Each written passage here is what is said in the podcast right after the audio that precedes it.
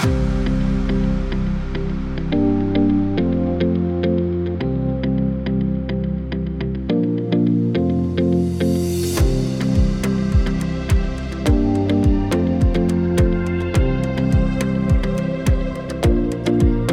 סף מספר 80, ואני יודע שאנחנו לא עושים כל כך הרבה שומרי סף בזמן האחרון, בין השאר כי התחלתי פודקאסט חדש עם קרוליין גליק וספר ועוד כל מיני עניינים, אבל אנחנו מבטיחים לחזור בכוחות מחודשים אה, ממש בקרוב.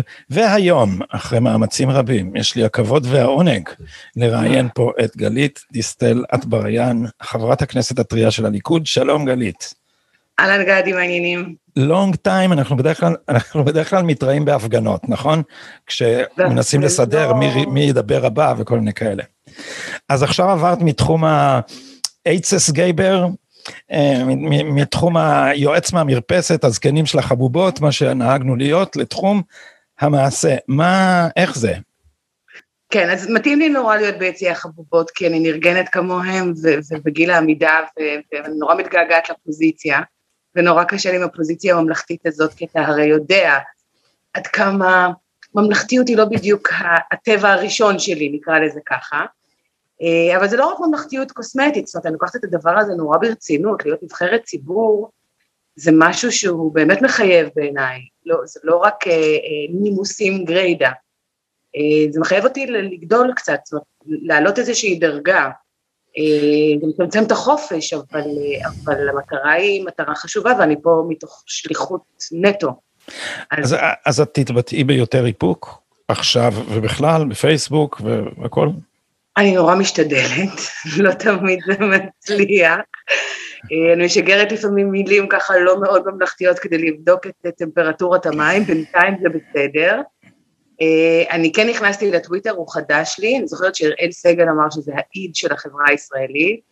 תקשיב, לא ידעתי עד כמה, אתמול קיללו לי את רצפת האגן, אה, אבל, אבל זה, זה, זה משעשע, זה משעשע, ולמדתי שוואלה, התחסנתי בטירוף, בטירוף, כאילו, אתה אשכרה מגדל אור של פיל, זה לא יאומן. זה כאילו, מצוין, לא זה מצוין וזה מאוד חשוב בפוליטיקה, כי, כי uh, אנחנו רואים עכשיו פוליטיקה שמתנהלת לפי אגו, ואנחנו מבינים איזה מחיר נוראי זה עכשיו, שכל מיני אנשים עם אור רגיש, כאילו הולכים uh, לוותר על כל האידיאולוגיה שלהם בשביל לעשות ני בעין של נתניהו, זה כאילו הולך להיות פה, אני חושש מול איראן עכשיו ובמצבנו עם ממשל אמריקאי עוין, בשביל האגו של כמה אנשים אנחנו, זה נורא, זה פשוט אה, נורא. אז, אז אני, אני מקווה שאת תגדלי אור עבה, אבל אני חייב לומר שבנאומך הראשון, לא זה מה שבלט. בכנסת היה לא. מרגש וריגשת והתרגשת. לא, אני תמיד אהיה, אה, אני תמיד אהיה אה, אמוציונלית, זאת אומרת, חלק ממני, בוא נגיד שפינס אסוף של tea with scones, פה לא, זה לא הולך לקרות. אבל, אה, אבל הדמעות, ש, הדמעות שהיו לי ב, ב, ב, בנאום, זה לא היו דמעות עלבון או דמעות של משהו אישי, זה דמעות של ציבור ענק שאני מייצגת, זאת אומרת הזעם הזה הוא, זעם אה, מהותי, כמעט כמו המהות של שופטי העליון, אתה יודע, זה זעם שעומד מאחוריו, אה, שעומדת מאחוריו בדיוק הסיבה שבגללה אני נכנסת אה, אה, לעסק הזה. זעם וכאב, כי, כי, כי אמר, הקטע שבו אה, קולך נשנק היה הקטע שבו אמרת, איך אתם עושים אחדות בלעדיי? אנחנו חצי מהעם, איזה מין אחדות אתם עושים? על מה, על מה אתם מדברים? תראה, כן. אני, אני זוכרת את קמפיין השקופים של דרעי. ובכן, אנחנו כבר הורדנו מדרגת השקופים לדרגת הבלתי בלתי קיימים, מכחישים את קיומנו. זאת אומרת, כל הטרמינולוגיה הזאת של ממשלת אחדות, ועכשיו, אחרי שנסלק את נתניהו, אז כולנו נתרפא ביחד, כאילו אשכרה, הקבוצה הפוליטית הכי גדולה בארץ איננה קיימת עוד. זאת אומרת, הם כבר לא מנהלים איתנו דיאלוג, הם כבר לא... באמת נעלמנו מהמפה. אני חושבת שמה שקורה עכשיו, וזה כמו שאמרת בסיפה של הדברים שלך, שאנשים עם אגו יכולים באמת לעבור מגרש, אנשים ימנים עוברים מגרש ונותנים אה, אה, אה, את הכוח לשמאל, שהוא באמת מיעוט בחברה הישראלית, נותנים לו את הכוח כאילו שחסר לו בפרקליטות, בעליון, בתרבות, באקדמיה או בתקשורת, עכשיו גם בפרלמנט, זה בגלל הכל, הכל, הכל בסופו של דבר מכוון, בעיקר התקשורת, אה, שאם זה היה קורה הפוך, הייתה יוצאת מגדרה כדי לקעקע את האנשים האלה על ההתנהלות הבאמת נלוזה הזאת. זה, זה, הכל משתלב בסופו של דבר לכדי תמונה אחת שבה הכוחות הכי חזקים במדינת ישראל, באמת, הכי חזקים במדינה הזאת, דרכו את הנשק נגד המזרחים, בעיקר המסורתיים, החרדים, אה, הדתיים הסרוגים שעדיין לא רוצים להיצמד לאליטה אלא נאמנים לערכים שלהם. לא יודעת, אני מסתכלת ואני אומרת, זה כאילו שהיום הם התחילו להילחם על באמת במהפך 77. אה, אז ישראל הראשונה וישראל השנייה, אה, זו המפה? כן, אבל היא לא מפה פשוטה והיא לא מפה פשטנית. נהוג נורא, זה כמו שעושים לך קצת עם הניידים והנייחים. מנסים נורא לרדד את מה שגם אתה וגם אבישי, שמבחינתי אתם שני ההוגים הכי חשובים שקמו בעשור האחרון, באמת, אני... לכבוד ולעונג. אני רוצה לומר שאני חוזרת הביתה אחרי ימים קשים, אני פותחת את הספר שלך, אני אמנם קרואה מעייפות, אני מספיקה כל לילה מעט, אבל זה כמו באמת טעימה של יין, אתה כותב אה, כיף. מתודות כמו סופר, וזה מה שיפה, אתה קומוניקטיבי נורא, מענג וחכם. לשאלתך, וגמרנו להתחנף כרגע. תודה, תודה, אני מסמיק כמו שאת אולי רואה. לשאלתך, כאילו, כאילו שהחלוקה הזו בין ישראל הראשונה לישראל השנייה היא באיזשהו מקום אקוויוולנטית לשיח, לשיח הזהויות הבאמת אה, נלעג והפרוגרסיבי שמגיע בארצות, מארצות הברית. זה לא הסיפור. זאת אומרת, זה לא מזרחים פר סה מול אשכנזים, זה לא עשירים מול עניים, זה לא הסיפור בכלל. סיפור הרבה הרבה יותר מורכב, כשאני חושבת שאת ישראל השנייה לא, לא צריך להגדיר דרך מה שהיא כן, לא באופן פוזיטיבי, אלא באופן נגטיבי. זאת כל מי, כל מי שהוא לא שמאל, חילוני, אשכנזי, הוא ישראל השנייה. מהבחינה הזו נתניהו הוא ישראל השנייה. כי הוא עונה רק על, שתי, על שני קריטריונים מתוך השילוש הזה. אבל, מצ, אבל מצד שני, ישראל הראשונה תקבל בברכה מזרחי שישיל את לאומיותו ואת דתו. הוא יהיה להפך, הוא יהיה ממש הדובדבן בקצפת, אם אתה רק מסכים להיות יהודה שנהב, להגיד שאתה אנטי ציוני, להתחבק עם, לא להתחבק, אבל להתחבר עם אה, שלמה זנד ולהסביר שהציונות היא הבניה חברתית וכפייה אשכנזית, אז יקבלו אותך בזרועות פתוחות, לא? זאת אומרת, הדתיות זה לא הפקטור הדטרמיניסטי פה. לא, אין אף, זה, זה באמת שילוש. אומרת, זה, אה, אה, זה, מש, זה, שלושה קריטריונים, ברגע שאחד מהם יורד, אתה כבר לא בישראל הראשונה. ואני אתן לך דוגמה אישית למה שאתה אמרת עכשיו, הרגע, שקרתה ממש בשבוע האחרון. אמילי מואטי, שהיא חברה שלי, אני מחבבת אותה מאוד, אני חושבת שהנאום שלה היה באמת מרגש ונפלא. היא נאמה יום לפניי את נאום הבכורה שלה בכנסת. וככה הסתכלתי מרחוק על האופן שבו אמילי התקבלה.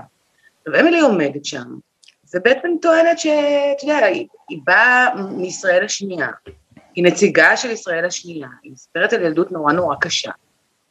מצד שני, הבחירה שלה הייתה להיכנס למפלגה שהיא זו מפלגה שחטאה נורא לישראל הזו, ושאיך נגדיר את זה בעדינות, היא, היא כרגע, ישראל השנייה לא נוהרת למפלגת העבודה, סבבה? זה מספיק עדין? כן.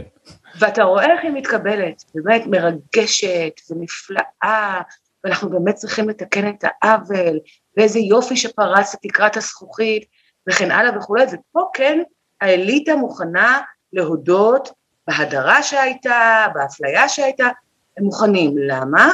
מכיוון שכרגע היא שייכת לקבוצה הנכונה. בעוד שאני פותחת בנאום ומדברת בדיוק על אותם דברים, אמנם שלא חוויתי על בשרי, הייתה לי ילדות פריבילגית לאללה, אה, אה, אבל, אבל אני כן רואה אותם חברתית מסביבי, מגוחכת, נלעגת, מסיתה, מפלגת, ולמה? מכיוון שנשארתי בבייס. זאת אומרת, אני, אני דומה, אני כל הזמן אומרת, אני לא ייצוג של העם, אני לא פרפרזה על העם, אני לא עומדת כמו רון כחלילי, שהוא גם חבר טוב, ומנתחת את המזרחיות, כמו דיוויד אדינברו ב-National Geographic, אני עדיין מנשקת מזוזות, אני עדיין שומרת בין בשר לחלב, אני עד... יש לי קמע בארנק, מה לעשות, ואני גם, אתה יודע, בוגרת אה, אוניברסיטה וכותבת ספרים, ורחמנא ליצלן אפילו מבקרת ספרים לשעבר בהארץ. השעטנז הזה מביא להם את הסעיף, את הסעיף, כי אני חושבת שהוא הסכנה הכי גדולה, הכי גדולה לנרטיב של האליטה. אז אני אציע לך, אני חושב תוך כדי שאת מדברת, וגם מתוך הוויכוחים וההסכמות שלי עם אבישי, שאני, שאני מאוד אוהב אותו ואני חושב שהוא צודק בדברים מאוד חשובים. הדבר שאני, שאני, נקודת המחלוקת שהכי קל לי להגדיר בינינו, היא שהפוליטיקה של הזהות עצמה היא אידיאולוגיה של האליטה. וזה מדהים שהם אומרים עלינו שאנחנו משסים ומפלגים ומסיתים וכל זה, כי זאת אידיאולוגיה של הסכסכנות.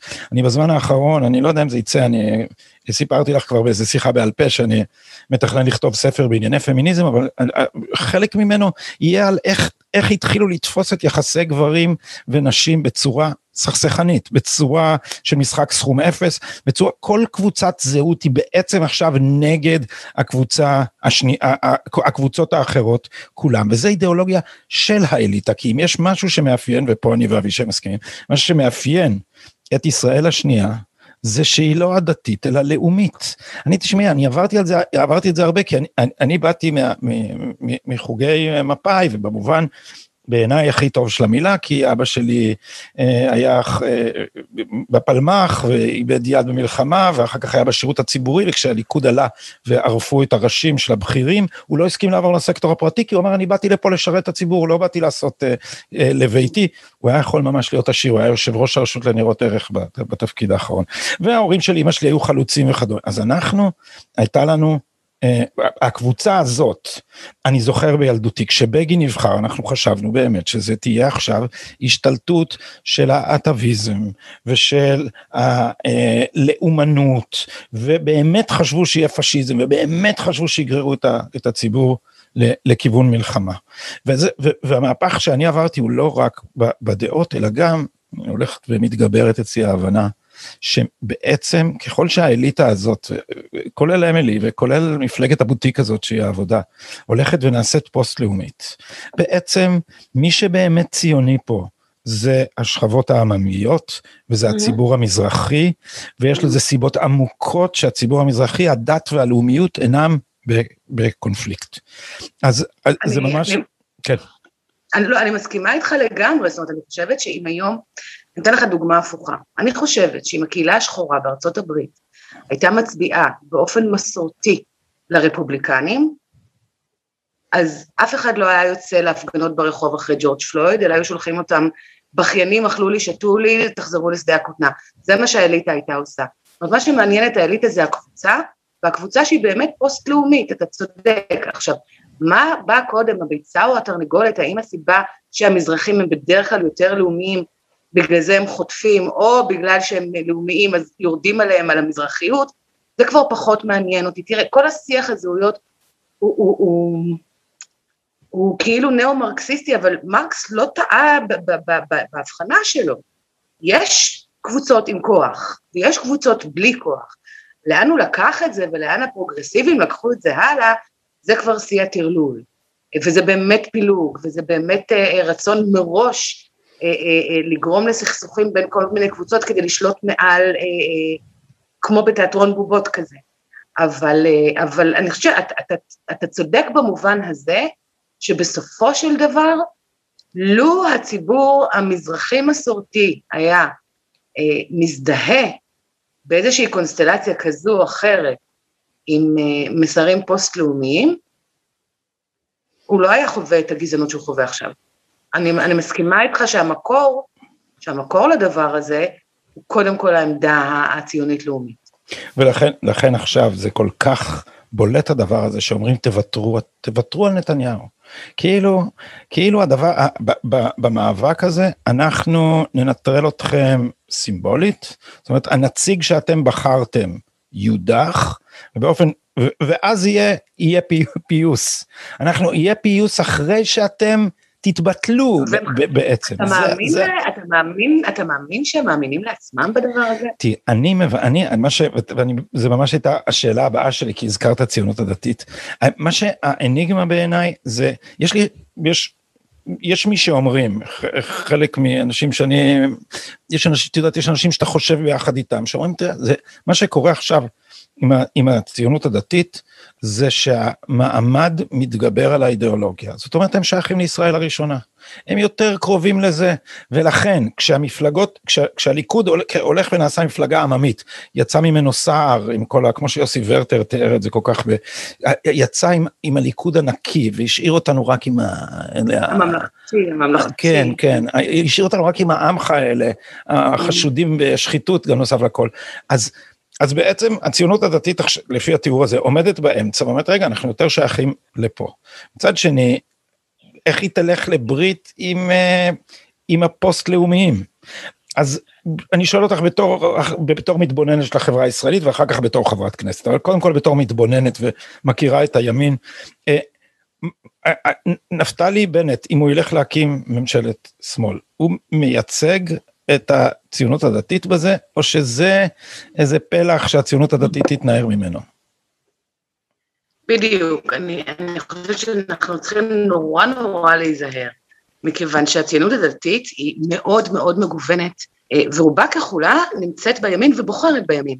אה, אתה רואה שבליכוד, אתה יודע, המון מנדטים של הליכוד מגיעים מהציונות הדתית, נציגות של ציונות דתית עולה וגוברת בליכוד, ויש את החבר'ה שבוחרים בסמוטריץ', אנחנו מדברים על פלג מאוד מאוד מסוים בציונות הדתית, ואסור להכליל, אני חושבת שמה שכואב לי עם מה שבנט עושה עכשיו, זה באמת הפילוג הזה בתוך הימין, ואתה רואה את הדם הרע שמתחיל לזרום בין הליכודניקים לבין uh, חובשי הכיפות, ואני שונאת את זה. אני יכולה להגיד לך שאני אישית פתאום מתחילה לחטוף uh, עיתונות רעה מאוד מכמה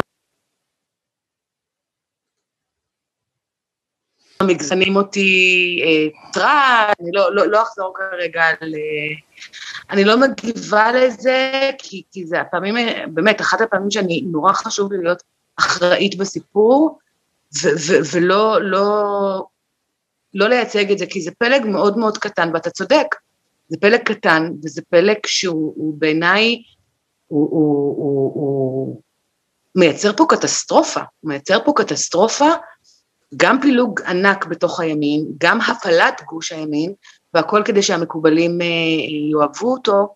אגב, המקובלים לא יאהבו אותו אף פעם, אף פעם. ובמקובלים אני מדברת על יושבי נחמה וחצי, עם ג'וינט בפה ובלי כיפה באופק. הם לעולם לא יקבלו אותם, זאת אומרת, אתה רואה פה תכונות כמו חקיינות וחנפנות ואימוץ ז'רגונים, אתה רואה איך הם מתאמצים ומזיעים גם להישמע מרירים ושנונים במידה, to tune אה, אה, באופן באמת אה, אה, מדויק את השמאל הבז והמתנשא של הטוויטר, אתה, אתה רואה את זה ואתה אומר, זה הרסני, אני חושבת שבנט כרגע, וזה לא היה, בנט לא ייצג אותם עד לפני אה, חצי שנה, אבל הוא מייצג אותם עכשיו. אה, אותם את מי? את, את, את, את פלג בציונות הדתית? אליטה בציונות פלג, הדתית? פלג, פלג לא גדול, לא גדול מהציונית הדתית, אבל כן פלג שברובו חדר לתקשורת, למיינסטרים. ולכן ו... התהודה שלו היא נורא נורא גבוהה. כן, אני היו לי כמה... יש לי עוזר פרלמנטרי כרגע, עוזר פוליטי, סליחה, שהוא מהציונות הדתית. עכשיו, בחור צעיר, מתוק לאללה, ליכודניק אה, מגיל 12. והוא מספר לי מה הוא עובר, הוא, מס, הוא מספר לי על הקרע, הוא אומר לי, תשמעי, אנשים מסתכלים עליי, ו- ו- ומתחילים, הם, הם, הם לא מבינים שהם לא הרוב, הם לא הרוב. אתה יודע מה? עזוב הכל, עזוב את הספקולציות ואת הניתוחים שלי ושלך. בואו נסתכל על המנדטים של בנט. הוא כמעט בלתי בכיר. זאת אומרת, בנט עשה איזשהו מקדם הכפלה עכשיו כשהוא קרץ גם לשמאל וגם לימין, אבל תכלס הוא על ארבעה מנדטים. אתה יודע, עוד לפני שנתיים הוא לא עבר את אחוז החסימה. זה כוחו, זה, זה הפלג. ואולי עוד איזה מנדט או שניים לכחול לבן. זהו. וגם המון בוחרים של פלג הם כרגע באמת מאוכזבים לאללה, כי הם כן לאומיים, ואין להם שום עניין להתחנף אה, אה, אה, לאליטה של השמאל, והם באמת המומים ממה שקורה עכשיו, הם האמינו לו. זאת אומרת, אני לא יודעת כמה מנדטים מהציונות הדתית יש לדבר הזה, לא הרבה, יש להם תעודה תקשורתית גדולה, אתה רואה שבתאגיד, למשל, נורא אוהבים לקבל אותם. אה, כן, גם כן. ב, ב, ב, כן, כן, הם שם, אני זוכרת, אני עבדתי בדיגיטל, הם באמת חביבי ליבם, כי מצד אחד זה עלה תאנה נהדר, הנה אנו פלורליסטים. מצד שני, החבר'ה האלה מדברים במבטא שמאלני, עם כיפה או איזושהי זהות פמיניסטית אה, אולטרה תל אביבית אה, שמאלנית, אבל, אבל אני, אבל אני מתנחלת. אני מכירה אותם נורא נורא טוב.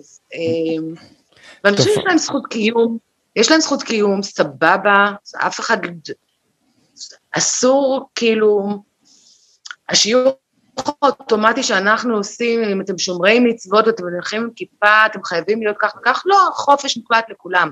זה בסדר גמור, כל גווני הקשת, פלורליזם על מלא. אבל כשהחבר'ה האלה גרים בהתנחלות, והם מצביעים למפלגות שמאל, יוסטון, we have a problem, ויש פה בעיה, אינהרנטית, קשה, והבעיה הזו מפילה את גוש הימין. ושהיא בחלקה הצורך הצורך בליטוף על הראש. אני אבקש ממך רק ליישר את הטלפון גלית, כי שקעת לי לתחתית המסך. אה, אני מנסה לייצב אותו כל הזמן. כן, I bet you have an iPhone. אוקיי. סמסונג זה לא קורה. זה גלקסי. אה, זה גלקסי? אוי, הלך לי... זה סמסונג. אה, חבל. אני, אני, אני מסרב לדיקטטורה של אפל, אז אני, כל, כל הזדמנות להשמיץ אותם אני מנצל. אז זה, זה תופעת עקיבא נוביק, נכון? אני היה לי איתו ויכוח בזה, וישר התנפלו עליי כאילו זה שנאת דתיים. כאילו זה מדהים איך גם, גם במחנה הזה הפנימו את השיטה של הפוליטיקה של הזהות, כי כתבתי איזה משהו שבמקרה, כתבתי משהו שבמקרה שלו על ראש המלוטף בוערת הכיפה או משהו כזה, אז לא, מרגע, תראה, וזה קרה לך עם הרגליים של מתן, נכון? ברגע שאתה לא במחנה הנכון, כל דבר שאתה אומר ינסו להפוך אותו שם גנרי גזענות. ימצאו איזו לא, הגדרה שבו הדברים הגזענים. אצלי זה היה חמור, אצלי זה היה יותר חמור. החפצה, החפצה זה היה. החפצה, כן, זה כן. כאילו באמת לקחת את הטהרנות הפרוגרסיבית מארצות הברית ולייבא אותה לכאן. עכשיו, תן לי לומר לך, אתה בן ואני בת. מעולם אף אישה בחיים, מזרח ומערב, ימה וקדמה, לא החפיצה גבר דרך רגליים ארוכות. זה, זה שמור לגברים, סבבה? זאת אומרת, זה באמת לקחת מוטיב ספרותי, ופה זה, אני, שוב, אני שואלת אותך, אני לא יודעת אם זה התאפשות מאומצת, לא להבין טקסט, או שהם באמת uh, כבר נהיו קצת... גלית צריך, ההפך צריך לעשות להם את זה דווקא. צר, אני קורא לזה הדן שיפטניזציה, צריך לעשות להם את זה ככה שזה הכי מעליב, הכי מחפיץ, הכי נשמע צורם להם, הכי זבל הפנים, כי אחרת, כי, כי מה זה משדר?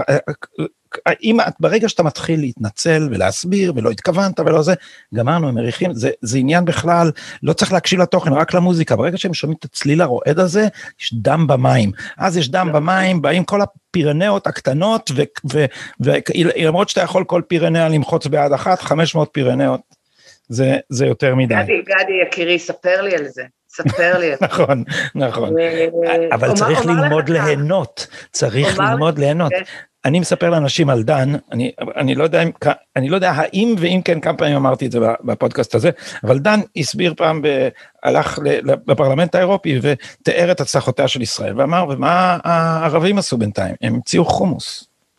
וכמה מהומת אלוהים, איזה דברים גזעניים, איך הוא מדבר ככה, איך הוא זה זה זה, הכריחו אותו לעלות לפודיום להתנצל, והוא עלה לפודיום ואמר, אני מבקש סליחה, גם טחינה, וירד. למה זה חשוב? זה חשוב מפני שברגע שמתחיל, יש לך טיעון פה, הטיעון הוא במקרה שהציוויליזציה הערבית בשקיעה איומה, שזה נכון, אבל ברגע שאתה לא יכול להגיד את הטיעון, כי מתחילים לעשות לך את ההקנטה הזאת, זה, אז... זה, זה בא מישהו אמר לי, כל הדבר הזה עובד, כי אתם כולכם בבועה של בין חדרה לגדרה. מחוץ לחדרה וגדרה לא מבינים על מה, על, על, על מה הוויכוחים האלה. אבל אני לא רוצה לעזוב את הציונות הדתית, ולכן, אני, או, או את מה שקורה, או את נפתלי בנט, ואני רוצה לשאול אותך, מה, אני, אני מבין, אני לא מבקש ל, לשמוע רכילות מהמשא ומתן הקואליציוני, אבל איפה זה, איפה, איפה, כמה סיכויים יש לזה לדעתך, מבחינת וייביליות פוליטית? אמ, תראה, אני חושבת שמה שקורה עכשיו זה באמת אה, אה, אולי טיפונת מאוחר מדי. האופן שבו כרגע הימין הליכודי שם את הזרקור מאוד חזק על בנט. אני חושבת שזה היה צריך לקרות לפני שבועיים. זאת אומרת, אני חושבת שהשבועיים שבהם הדיון הבא סמוטריץ' אה, היה בכותרות, הם היו שבועיים מבוזבזים מאוד.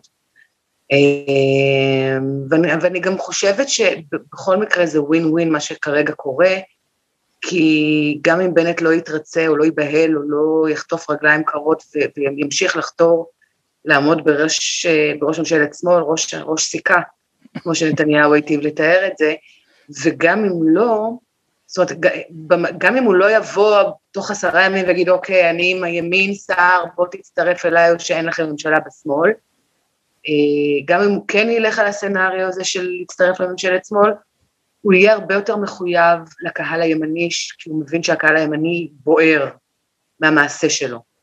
ואז במשא ומתן בתוך, אה, בתוך אה, גוש השמאל, הוא ינסה כמה שיותר לא לוותר על עמדות ימניות. כי הוא כבר מתחיל להריח שהאדמה בוערת תחת רגליו. אני חושבת שבנט פשוט לא קורא את המפה נכון, אני חושבת שבנט אה, מסתכל על זה מפריזמה של סטארט-אפיסט, איך אני מזיז דברים בלי להבין את ה-DNA האנושי שעומד מאחורי הדברים. את ישראל, הבן להזיז. אדם לא מכיר את ישראל, יש פה, הוא עבר רק במוסדות האליטה והוא לא מכיר את ישראל. אני אספר לך סקופ. לפני שנתיים בנט הזמין אותי לביתו, הייתה לנו שיחה מאוד מאוד נעימה, כשכל מטרתה הייתה, גלית, תעזרי לי להבין איך אני רוכש את הלב של אבא שלך. כי זה הלבבות שאני רוצה לרכוש, אני רוצה את המזרחים המסורתיים, זה הקהל, אין לעמוד בראש הימין בלי לזכות בלבבות של האנשים האלה, איך אני עושה את זה? ואני חייכתי לה ומשכתי בכתפיי, כאילו, או שאתה יודע או שאתה לא, והוא לא.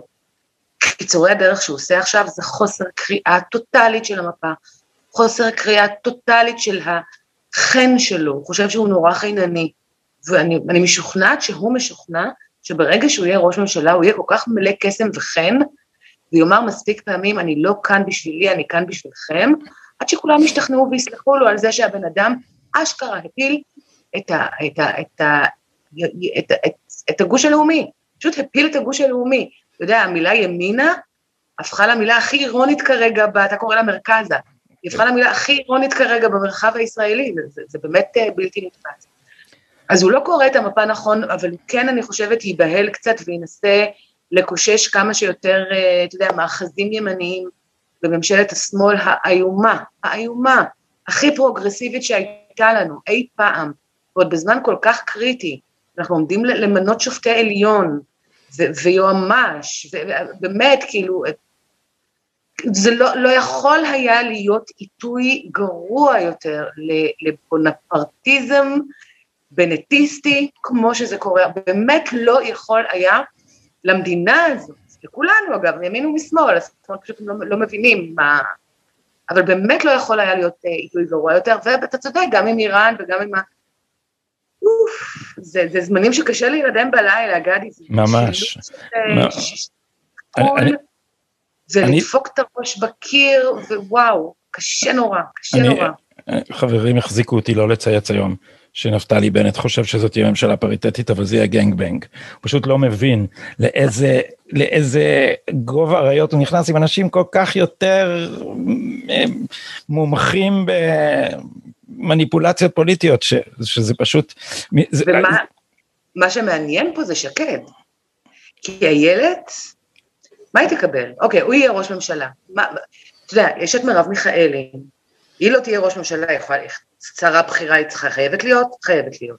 אותו דבר אה, כחול לבן, אותו דבר שר, שאשא ביטון. היא לא תהיה שרה בכירה, שקד. היא גם לא תהיה שרה, בין שרה בינונית לשרה, לשרה זוטרה, כי אין מקום. אתה לא יכול גם פריטטית. והיא תהיה שרופה בימין. זה מדהים שלפני כמה, לפני, לפני שנתיים דיברו עליה כ, כאפשרות אה, להחליף את הנהגת הימין. אה, אני הייתי תמים בעצמי בנושא הזה, עד שהבנתי מה קרה במשרד המשפטים, ואני חושב ש... אני חושב שהכהונה שלה הייתה מאוד הרסנית, בין השאר כי יחסי הציבור היו שהיא, שהיא מתנגדת ל deep state, אבל בעצם, אם אני מבין נכון מה הדיל שהיא עשתה בעיני עצמה, זה אומר, אני אטפל במשפטנים ואני אעזוב את הפרקליטות. וזאת טעות אסטרטגית, אני לא יודע אם זה בגלל שהיא פחדה מהפרקליטות, כולם פוחדים מהפרקליטות, אבל זו טעות אסטרטגית כי המעוז המסוכן, המקום שבו מחזיקים את הפוליטיקאים בגרון, זה הכספת של, של החבר שי ניצן ו, ו, ויורשיו השונים. אז... ראית אז... את הידיעה שהתפרסמה בסוף השבוע, שאנשי גוש השינוי מהמרכז ומהימין דווקא, אה, אה, כנראה דוחפים לזה ששי ניצן יהיה... שופט עליון, כן. כן. שזה יהיה כן. מדהים, כי זה בן אדם ש... זה, זה בן אדם שפשוט... זה באמת הכוח, הכוח הטהור, זאת אומרת, אני אקח את הטלפונים של עוזר ראש הממשלה ומה תעשו לי? ומה יקרה לי? כלום. עד שהוא נתקל... אגב, גם הוא מגזריסט, גם הוא מגזריסט, שים לב. כן, כן, זה באמת הדתל"שים, אה, יש לי איזה תיאוריה על זה שכשעוזבים, שבשביל הרבה אנשים דתיים, כשעוזבים את העוגן של המוסר באלוהים, אז אין כלום. אז, אז, אז בכלל אין גבולות, ולכן היחיד שיצטרך להתנהל נגדם זה, זה מי שיתנהל באותו, באותו המוסריות, וזה אפי נווה, כשהם אמרו לאפי נווה, יש לנו את הטלפון שלך, הוא בסוף אמר להם, גם לי יש את הטלפון שלי. שח, תיקו, מה תעשו? ואת המידע עליכם, כן. אז את יודעת, אמרו, הפתרון למשפט נתניהו זה שישיגו עותק של הטלפון של אפי נווה, זה כאילו ככה זה נראה. יהיה את הטלפון של אפי נווה, אז פתאום, פתאום כולם יעשו ככה ויגידו, אולי בעצם פירות העץ המורעל, זה לא מס שוחד, זה רק הפרת אמונים, או לא יודע, משהו אחר, זה, האופן שבו הם ירדו מנווה זה ממש היה. סליחה, אולי כן. אין דבר כזה היענות חריגה, אולי, אולי, אולי המצאנו פה משהו שלא באמת קיים. תשמע, התיקים האלה זה dead end, ואני אגיד לך למה, בגלל שפרופסור רות גביזון צדקה בזמנו, זיכרונה לברכה. אם בית המשפט, בהרכב של אה, השופטת אה, פרידמן פלדמן, יבוא ויאמר, חבר'ה, לא היה כלום כי אין כלום, זה יום הדין לכל האליטות, זה יום הדין לכל מוסדות אכיפת החוק בישראל, זה, אני לא יודעת כמה יהיה להם אומץ לעשות את זה, עכשיו אני רואה, ראיתי בשלב המקדמי, ואני רואה גם עכשיו, גם אפילו מבקר הפרקליטות, השופט דוד רוזן, בא ואמר, זה אמנם היה גרפס קטן בחדשות, מהר מהר העלימו את זה, כי הגרביים של יאיר במקרר זה הרבה יותר חשוב, אבל כשמי שמבקר את הפרקליטות בא ואומר, משהו בתיקים האלה הוא עננה על מערכת אכיפת החוק, ואנחנו מדברים פה לא על ביבי, הבן אדם, ולא על ביבי, הפוליטיקאי, על ראש ממשלה שנבחר באופן דמוקרטי. יא רבי, אני לא יודעת איך, איך הדבר הזה ייגמר, כי, כי, זה, כי זה, יהיה פה שבר, יהיה פה שבר, או, ש, או שיהיה פה שבר אה, של אליטות, או שאם יפלילו אותו עד הסוף, את, את נתניהו, על כלום, על משהו שנתפר באמת בעינוי וברמיסה קונסיסטנטית של כל זכות אדם אפשרית, ובתרבות שקר עמוקה מאוד, וברטיפה ברורה לעיני כל, אתה יודע, אני רואה, אני מקשיבה לפעמים בפודקאסטים, איך המשפט הזה נראה בארצות הברית, על ידי משפטנים, פשוט בושה, פשוט בושה, הם, עושים המשפט הזה קונפטי, מכתב האישום. אבל אולי... לא אני אהיה לא פרקליטו של השטן, אולי uh, המשחק כבר נגמר. אולי, כי אם uh, תהיה קואליציה עכשיו, קואליציה ימנית, uh, לא, נגיד על 61, נגיד שיש שני עריקים, לא יודע איך, uh, לא יהיה לה לגיטימיות לשנות את כללי המשחק המשפטי ככה באופן שיחלץ את נתניהו מהמשפט, זה לא יעבור, זה לא, זה לא תהיה לזה לגיטימיות ציבורית. אתה מדבר על, על, על חוקים פרסונליים אה, רטרואקטיביים. כן, כן, כן. אני, אני לא יודעת, אני לא יודעת. יש, את תהיי בעד זה? אני, אני חושבת ש... אני לא חושבת על נתניהו, זאת אומרת, המון אנשים, אתה יודע, השופר של נתניהו, זה שאני לא בסדר, סתמו קצת. אני, אני לא, אף פעם לא חושבת על נתניהו אה, פר סי, אני, אני באמת חושבת על מה שנתניהו מייצג ועל החברה הישראלית, ואני אומרת לך, גדי, שלכאן או לכאן, עם המשפט הזה, אה, אה, אני, אני כאילו, אני, אני, אני נורא לא אופטימית. כי גם אם הוא יורשע וגם אם הוא לא יורשע, המשמעות של זה היא הרסנית, זאת אומרת, מהרגע שהמשאית של הפרקליטות התחילה לרדת במדרון, ואתה יודע, המשאיות של הפרקליטות, כשהן יורדות במדרון, הן צוברות תאוצה, אין לעצור. מהרגע שהמשאית התניעה, אין לעצור את התהליך, אין. זאת אומרת, מהרגע ששמעתי בפעם הראשונה את הבדיחה אמרתי, הבדיחה הזו תיגמר בבית משפט, זה ברור לי, לא, המשאית הזו לא עוצרת.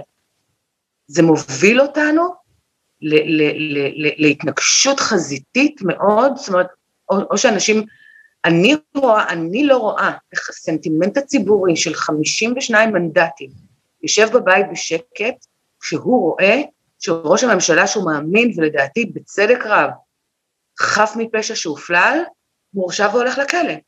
זה, אין תקומה לדבר כזה, אין תקומה אבל, לא, אבל... לא לנו, למערכות החוק. אין אבל. אבל האנשים האלה לא יצאו להצביע במספרים מספיק גדולים, ושנינו בוגרים של ההפגנות אה, בנושא הזה בדיוק, בנושא של המשילות ושל האוליגרכיה המשפטית, ואנחנו יודעים שההפגנות שלנו היו 5,000 איש. והנה אנחנו רואים שיעורי הצבעה נמוכים, ואולי יש שטיפת המוח באולפנים, התשלובת אה, פרקליטות אה, דובריה בעיתונות, הנדסת התודעה, אולי זה, אולי הם תפסו אותנו בנלסון. אני אגיד לך למה אני חושבת שאתה טועה. מכיוון שאחוזי ההצבעה ירדו לא בימין הליכודי הרך, נגיד פתח תקווה או ירושלים, הם ירדו בעיקר בפריפריות, בנתיבות, בבאר שבע, בעפולה, שם הייתה ירידה מהותית. עכשיו, אף אחד לא יכול לשכנע אותי שהאנשים האלה מקשיבים לאמנון אברמוביץ' או לרינה מצליח ומשתכנעים. לא אז. למה הם לא באו? אני אגיד לך, נתניהו הפסיד לתנור ולמקרר. אני אספר לך סיפור אישי. אני הייתי אמורה לנסוע ביום של הבחירות, אמיר אוחנה, שר הביטח, לביטחון פנים וחבר קרוב מאוד, אמר לי, בואי איתי במיניוון, נחרוש את דרום הארץ, נעבור קלפי קלפי, תכירי את השטח הליכודי, תראי את הקלפיות, אין, אין חלום גדול יותר מזה למישהי שהרגע נכנסה לפוליטיקה ועוד דרך שריון. רק לא עברתי פריימריז, אני לא מכירה את השטח, אין מתנה גדולה מזאת. אני כמעט ביטלתי ב-12 בלילה, כי המטבח שלי לא היה כשר. כשאני אומרת לך שאני ישראל השנייה, אני אשכרה מתכוונת לזה. אמרתי לעצמי, זה היום הדין, זאת אומרת, מאז שגדלתי, היום ההוא שהיו הבחירות, זה היום שבו אתה מסיים את הניקיונות, למחרת אתה כבר בסופר, תתחיל לבשל. ושים לב, מי לא יצא להצביע? נתיבות ואופקים ובאר שבע, ואנשים שאין להם עוזרת, ושהבעל אה, אה, נמצא בתוך המקרר, והאישה בתוך התנור, ובשבע בלילה כבר הולכים לסופר ומוציאים את הכלים של פסח. אתה לא מבין כל כך על מה אני מדברת, אני מניחה. אני מבין. אצלנו זה ב-DNA, זה יום הדין. ובאמת הלקטתי את עצמי אחר כך על זה שאמרתי לעצמי, אם זה קרה לך, שאת אה, אה, אה, נבחרת ציבור ביום הבחירות, את כמעט ביטלת ציור כזה, כי לא סיימת להכשיר את המטבח, איך לא חשבת לתרגם את זה? ל, ל, ל, זה באמת, גדי, באמת, מתוך 365 מעניין. ימים בשנה, היום הגרוע ביותר לליכוד לבחירות. הגרוע ביותר. בקטיושות היו יוצאים, בחום של 50 מעלות היו יוצאים, בכפור ושלג היו יוצאים. ביום הזה לפני פסח, זה יום הדין. של הציבור כן. המסורתי, לא יעזור. מעניין מאוד, אבל, אבל שיעורי ההצבעה באופן כללי בציבור המסורתי הם יותר קטנים. נמוכים. כן. אז לסיום, גלית, אה, מה את, מה את צופה שיהיה? מה את רואה קורה? אני חושבת שיהיו בחירות אישיות. בוא, בוא ננסה לזכור את זה. אני אסביר לך גם למה. אני חושבת שהשטח שה, והניסיון לא, לא, הניסיון של בנט אה, להיות ראש ממשלת השמאל, ראש הממשלה של אה, מהרנה והורוביץ ומיכאלי, עם כל המגלומניה ועם כל חוסר קריאת המפה הישראלית ואי ההכרה של ה-DNA שלנו והמאוהבות העצמית ושיגעון הגדלות והחיבה לבלפור וכל מה שאתה רוצה, אה, אני לא, אני לא מאמינה שזה, שזה יתכנס, אני לא רואה את זה מתכנס. המרחב הציבורי ברגע ש...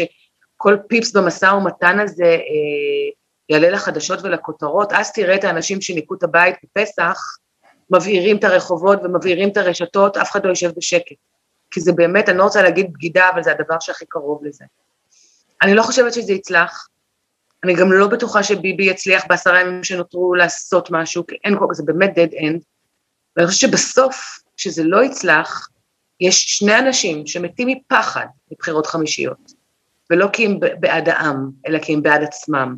וזה סער ובנט שימחקו. ואז בנט יהיה הראשון שיגיד, אוקיי, לא הצלחנו, חייבים בחירות אישיות, זה פחות גרוע מבחירות חמישיות, ומי שירוץ אחריו בספרינט של אולימפיאדה, זה סער. זה יעזור לו לרדת מהעץ מצד אחד, לא ישבתי עם ביבי, לא הפרתי שום הבטחה, מצד שני אני לא נעלם לגמרי. לדעתי, כרגע, כמו שאני קוראת את המפה, יש, הסיכוי הכי סביר בעיניי זה שתהיינה בחירות אישיות, ושבהן נתניהו ינצח, ואז נראה מה יהיה. וואו, לא, אני לא ציפיתי לגמור את זה בכזאת אה, נימה אופטימית, אבל עודדת את רוחי, אה, ואני רוצה לנצל את ההזדמנות, כי אנחנו לא מדברים על בסיס יומי, לומר לך שאני מרגיש שאת מייצגת אותי באופן אישי. אני יכולה לך. זה, זה בגלל, וזה לא בגלל שאני מייצגת איזה אינטרס אישי שלי, זה בגלל שבהפגנות, אני ואת עמדנו כך, אמרנו בעצם, בעצם אותם דברים, וגם, אה, וגם בגלל שאני חושב שה... ישראל השנייה כפי שאת מגדירה אותה והלאומיות כפי שאני מגדיר אותה זה הולך ונעשה אותו דבר אז אני יודע שאני נכון. בא מעדות אשכנז אבל אני אני מרגיש שזאת הנציגות האמיתית שלי. אז אני חייבת לומר אני אני לא מאוהבת במזרחיות שלי אני אני לא הייתי מזרחית עד גיל 40 בעצם זאת אומרת, מה שאני מה שאני זרם לי בעורקיי בטבעיות זה אף פעם לא היה חלק מההגדרה שלי ולא מה שקורה עכשיו כמעט, כמעט מאלץ אותי עם הגב על הקיר לבוא ולומר, אה, אה, כן, חלק מההגדרה שלי זה מזרחית. אני הייתי ישראלית לגמרי, וחלק מהטבע וחלק מהנוף, ואני חושבת שהאמת היא איפשהו בינך לבין אבישי, זה שעטנז של שניכם. מעולה. אה, בואי נעשה את זה עוד פעם בקרוב, כפי שאני אומר לרבים מהמשתתפים בפודקאסט הזה. אז כשאת רוצה, הדלת פתוחה ויש פה אנשים שישמחו לשמוע, לשמוע אותך בקהל הגדל של הפודקאסט הזה. עלי והצליחי גלית. אני אמשיך לקרוא אותך בלילות, אה, ואז אני אפתח את הסטטוס של ה live. לילה טוב. ביי, נשיקות. נשיקות.